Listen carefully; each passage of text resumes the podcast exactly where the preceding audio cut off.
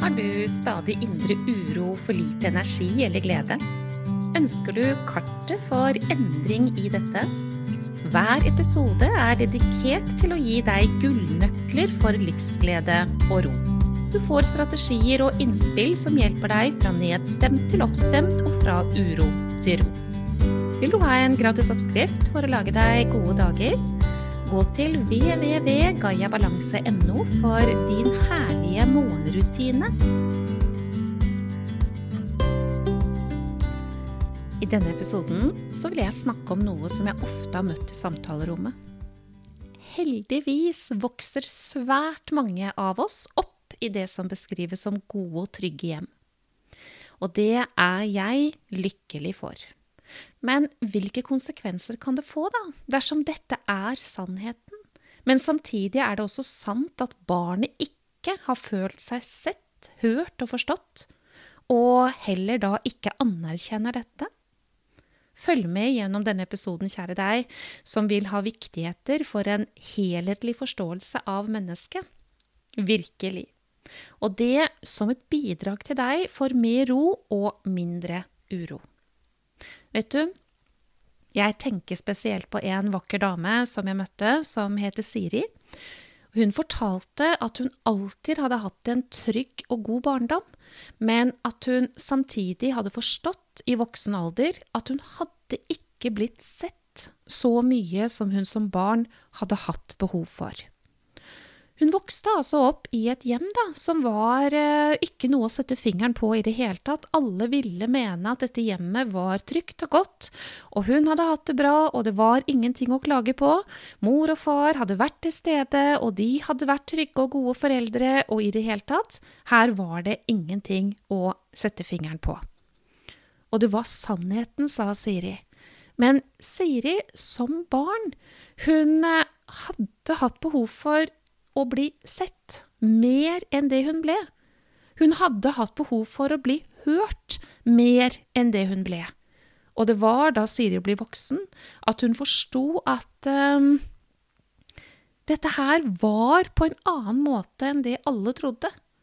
Alle trodde at Siri hadde hatt den beste barndommen, og Siri selv hadde trodd det selv, og mente jo fremdeles at hennes barndom var god, men at hun som barn ikke ble sett tilstrekkelig og ikke ble hørt tilstrekkelig. Og det blir jo nesten som å klage på noe som man ikke har lov til å klage på, ikke sant?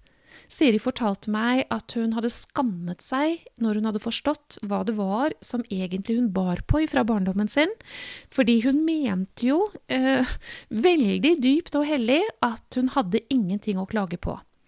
Hun sa ofte når hun pratet om dette, at eh, det er så mange som har hatt det så fælt i barndommen sin. Det er så mange som jo skulle kunne hatt grunn til å klage, som skulle kunne hatt grunn til å si at de ikke har hatt det bra, men det gjelder ikke meg. Allikevel, da Siri var et lite barn, så ble hun hysjet på når hun prøvde å gi til uttrykk hvordan hun så på ting.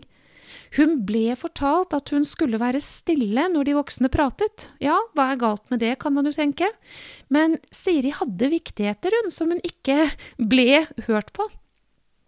Siri lærte seg også at det var bedre å ikke gi til uttrykk enn å prøve å gi til uttrykk etter å ha blitt hysjet på mange ganger. Og dette med å bli hysjet på, kan det være farlig, da? Nei, ikke nødvendigvis, men for Siri så ble det sånn at hun lærte seg til at det hun skulle snakke om, det var ikke viktig nok, og dette tok Siri med seg inn i voksenlivet. Siri lærte seg til at eh, nei, men det jeg har å komme med, det er ikke av betydning. Forstår du hva jeg, hva jeg prøver å si? Jeg tror du gjør det. Dette med å anerkjenne at det faktisk var sånn, dette med å anerkjenne at jo, jeg hadde det fantastisk, jeg, som barn. Jeg har absolutt vokst opp i det trygge, gode. Nære, kjærlighetsfulle foreldre, de ønsket det beste, det vet jeg virkelig. Men jeg fikk ikke satt ord på. Og jeg ble ikke sett så mye som jeg hadde behov for. For eksempel så fortalte Siri at hun var veldig glad i å synge og danse da hun var liten, og det hun ønsket å gjøre, det var å synge og danse for foreldrene sine. Hvorfor ønsket hun det? Jo, for hun ønsket jo at de skulle fortelle henne hvor flink hun var.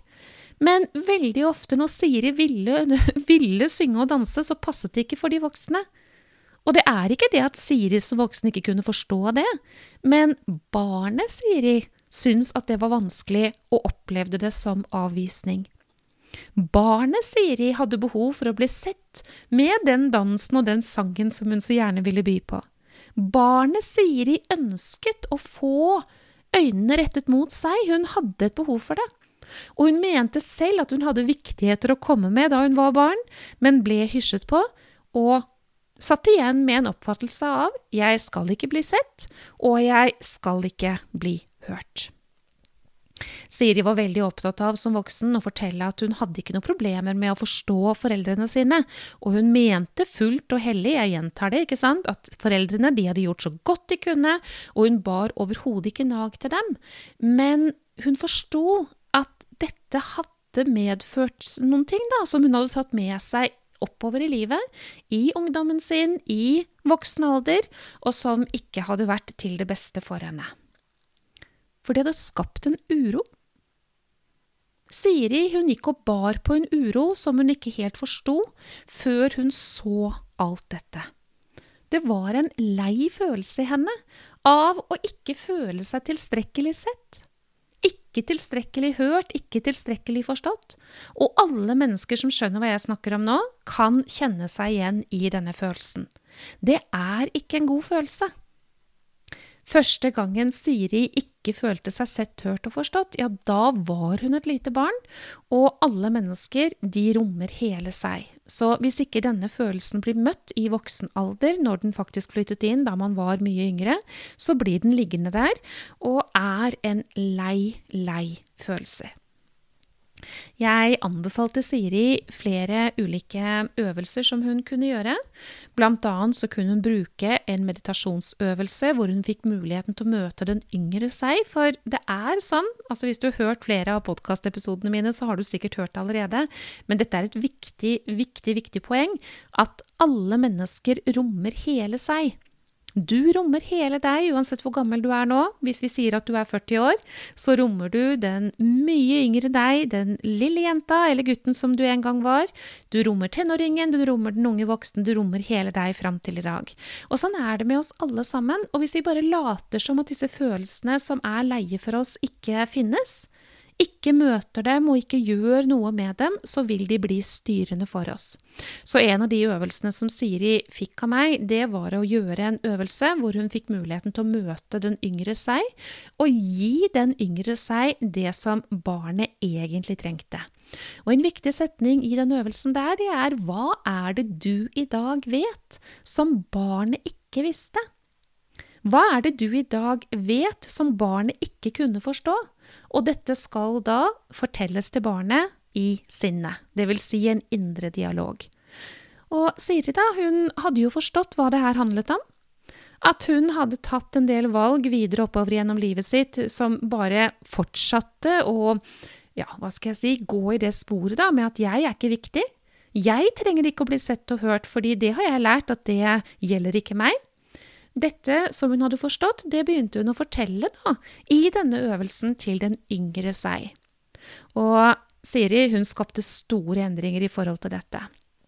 Poenget med denne episoden er jo at det kan være sånn at vi opplever at nei, men vi har hatt det kjempefint men at det var et behov der den gangen vi var barn, som ikke ble dekket. Og hvis det er slik, så blir det styrende for oss opp igjennom, og det blir kilde til en del valg, en del usannheter, en del forestillinger og en stor, altså stor, jeg vil nesten si enorm mengde stress. Og sånn kan vi ikke ha det. Siri fikk anbefalt også å gjøre bruk da, av denne gratis gaven som jeg veldig gjerne vil gi til deg som lytter også, din herlige morgenrutine. Og på den måten så skapte hun den beste starten på dagen hver eneste dag som hun tok, seg, tok, med seg gjennom dagene, og det ønsker jeg for deg også. Så gå inn på www.gayabalanse.no og hent til deg gaven gratis. Din herlige morgenrutine, så du også kan få mer glede og mindre stress i livet ditt, hvilket er av enorm betydning for din helse.